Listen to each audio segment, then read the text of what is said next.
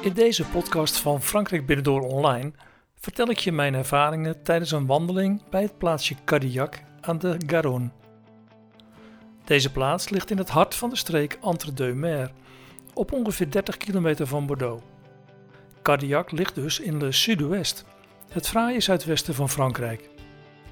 De streek is meer dan de moeite waard en de omgeving met talloze wijngaarden produceert gereputeerde wijnen van de Appellation Contrôlée Bordeaux.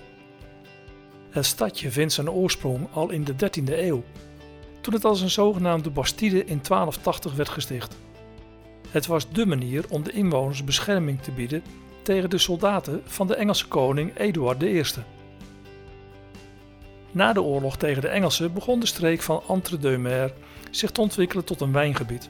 Voor het geval je niet precies weet wat Entre-deux-Mers betekent, het is de streek tussen de rivieren de Dordogne en de Garonne. Als je de Entre-deux-Mers letterlijk vertaalt, betekent het eigenlijk tussen twee zeeën. Maar laten wij het maar houden op tussen de twee grote rivieren. De omgeving van Cadillac leent zich prima voor mooie wandelingen of een fietstocht. De hoogteverschillen in de streek vallen best mee en variëren van 3 meter bij de rivier tot ongeveer 100 meter in de heuvels ten noordwesten van het plaatsje. Cadillac heeft een mooi kasteel dat weer helemaal in ere is gesteld, maar van 1850 tot 1950 als vrouwengevangenisdienst deed. De ligging van de plaats midden in de wijngaarden van Cadillac, Loupiac en Saint-Croix-du-Mont maakt het een mooie plek om de omgeving te ontdekken. Wandelen en fietsen kan er dan ook prima en de wijngaarden nodigen uit voor een ontdekkingstocht. Mijn voorkeur gaat dan vooral uit naar de wijngaarden bij Loupiac, waar een heerlijke zoete wijn vandaan komt. Ik zeg altijd maar het goedkopere broertje van de dure Sautern aan de andere kant van de Garonne. Toen ik in de buurt van Cadillac was, had ik voor een week een vakantiehuis in een oude duiventeel gehuurd. Op het terrein van een wijnboer in het plaatsje Mont-Primblanc. Het is een gehucht op 6 kilometer van Cadillac. En ik heb er fantastische herinneringen aan overgehouden. Het verblijf met z'n tweetjes, ik was er uiteraard met Marian, was in het lange en smalle huisje fantastisch. Het terras met een schaduwrijk prieeltje keek uit op de wijngaarden die het huis omringen. De wijnboer die woonde ernaast, maar daar had je absoluut geen hinder van. Sterker nog, als hij s'avonds van het werk terugkwam, wenkte hij op mij en gingen we zijn kelder in om te proeven. Toen ik na een week terugreed, ging mijn auto bijna door de assen van de dozen wijn van hem, maar ook van andere wijndomeinen in de omgeving. Als je op frankrijkbinnendoor.nl slash het bijbehorende blog leest, dan vind je de link naar dit leuke vakantiehuis dat je gewoon online kunt boeken. Het is een echte aanrader. Oké, nu is het tijd voor actie.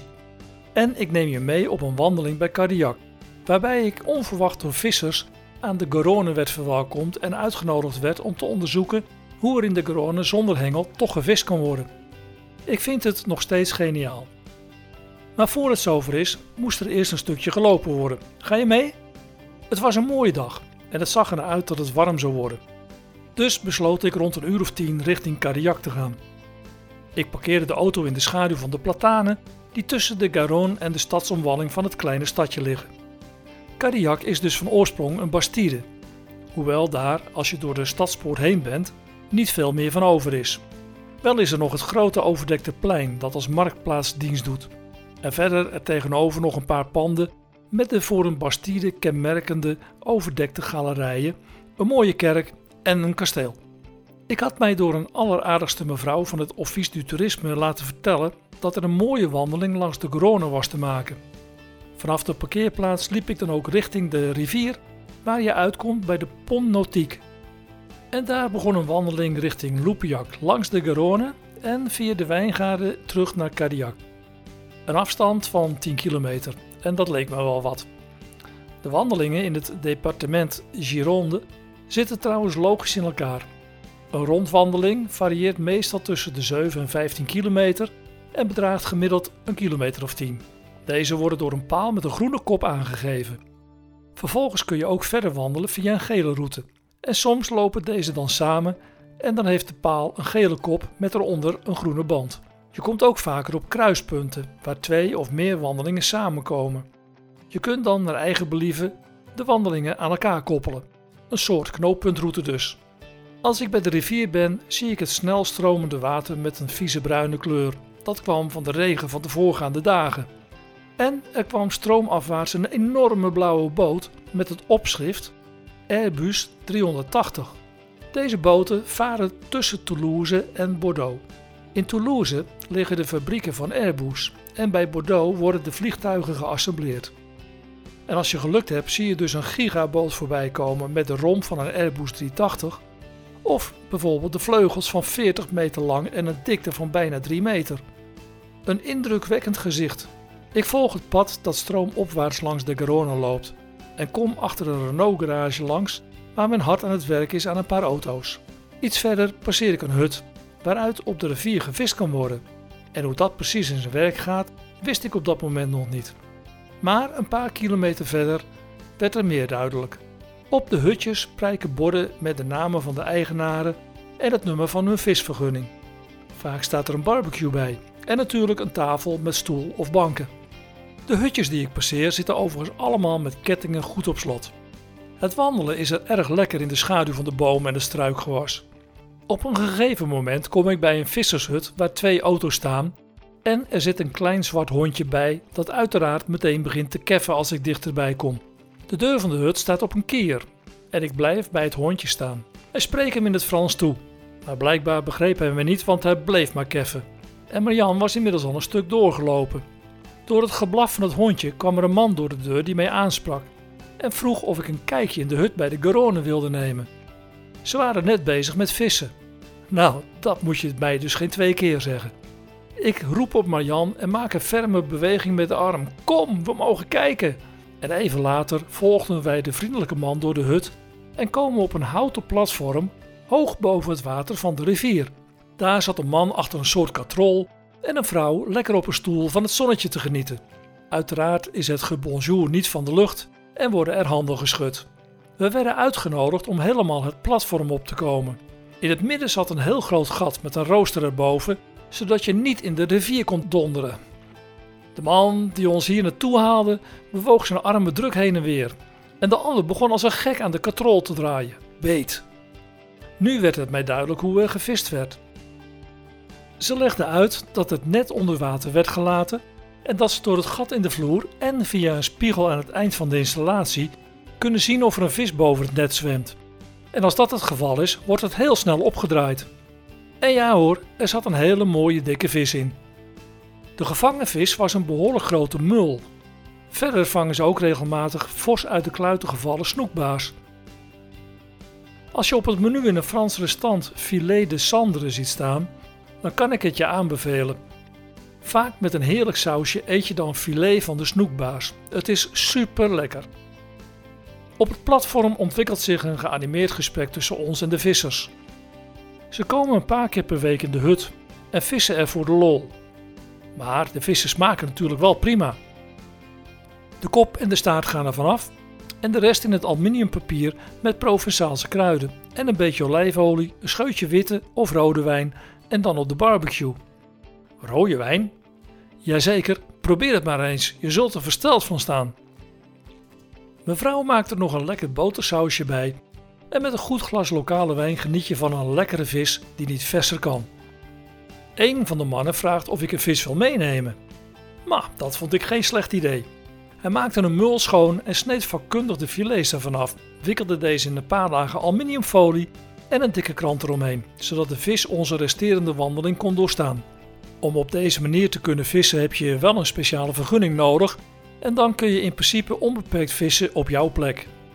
Ze vissen alleen voor eigen gebruik, familie en vrienden en toevallig passerende Nederlanders die aan het wandelen zijn. Verder kwam de mascaret te sprake. Dit is een apart natuurverschijnsel dat maar twee keer per jaar voorkomt. Bij springtij op de oceaan wordt door de vloed het water de Gironde ingestuurd en vervolgens in de Dordogne en de Garonne. De vloed kan dan wel tot 100 kilometer landinwaarts de Garonne en de Dordogne opstromen, met soms golven van 1,5 tot 2,5 meter hoogte. Dit verschijnsel wordt door surfers en kanoërs gebruikt om op de rivier te surfen. Meestal vindt het plaats in de periodes tussen augustus en oktober. Het verschijnsel kan door de springtij voortijdig voorspeld worden en trekt dan ook veel bekijks om naar de hoge golven en de waaghalzen op een surfplank te kijken. De wijnen van de streek kwamen ook nog even met de vissers te sprake. Paul, zoals de man heette die mij uitnodigde, is niet zo te spreken over de rode wijnen van de Premier Côte de Bordeaux, omdat die veel zuurtjes hebben. De zoete wijnen van Loupiac die vindt hij veel lekkerder. En de Medoc en Saint-Emilion en de Pomerol zijn ook goed, maar voor hem vaak te duur. Intussen werd het net opnieuw opgehaald en zaten er weer twee vissen in. Tot en met het ophalen en dan met een groot schepnet de vissen op het droge halen gaat alles heel humaan. Er komt geen haak of wat dan ook aan te pas. Alleen, de vissen gingen droog de emmer in en na lucht happend gaan ze uiteindelijk ten onder. Het was voor mij een goed moment om afscheid te nemen, te bedanken voor de mul en de wandeling voor te zetten. En zo blijkt opnieuw dat een simpel woord in het Frans wonderen doet. En vaak deuren opent die anders voor je gesloten blijven. Ook als je maar een klein beetje Frans spreekt, laat het dan blijken. En doe je best, je krijgt er heel veel voor terug. Na ongeveer 2,5 kilometer langs de rivier te hebben gelopen, kom je bij Loupiac op een kruising waarbij je de Boucle de Cardiac kunt volgen. Je loopt dan via de groene paaltjes. Door de wijngaarden van Loupiac is het heerlijk wandelen. En op een gegeven moment klimt het pad omhoog tot bovenop het plateau bij Cardiac. Het pad loopt dan richting een watertoren waar het uitzicht fenomenaal is. Je kijkt uit over het dal van de Garonne met onder je Loupiac en Cardiac. En aan de overkant van de rivier zie je Barsac. Omdat het zonnig en helder was, zag ik zelfs aan de horizon het immense bos van Lelande. Vanaf dit punt is het afdalen naar Cardiac en na ruim drie uur, met een onderbreking bij de vissers, kwam ik weer in het centrum aan waar ik samen met mijn Jan nog even een terrasje pakte. Van de vriendelijke mevrouw in het Office du Toerisme had ik s'morgens nog een tip gehad. We moesten absoluut eens naar het plaatsje Rion gaan. Die tip wil ik graag aan je doorgeven. Want als je ooit in de buurt van Cardiac bent, moet je er absoluut eens naartoe gaan. In Rion heeft de tijd stilgestaan. Je kunt er heerlijk slenteren door de oude straatjes, waarvan sommige zelfs nog onverhard. Je waant je er echt in de middeleeuwen. Tijdens de terugrit naar onze gîte in de Duiventil bij Château Tertre de Pézelin was ik al aan het bedenken hoe ik de vestgevangen mul op de barbecue zou gaan bereiden. En ik verheugde me ook al op de wijnproeverij met Dominique Domecq. Oh ja, mijn podcast kun je altijd en overal volgen via iTunes, Soundcloud en Stitcher. En als je je abonneert, krijg je automatisch bericht van nieuwe podcasts. Tot de volgende podcast.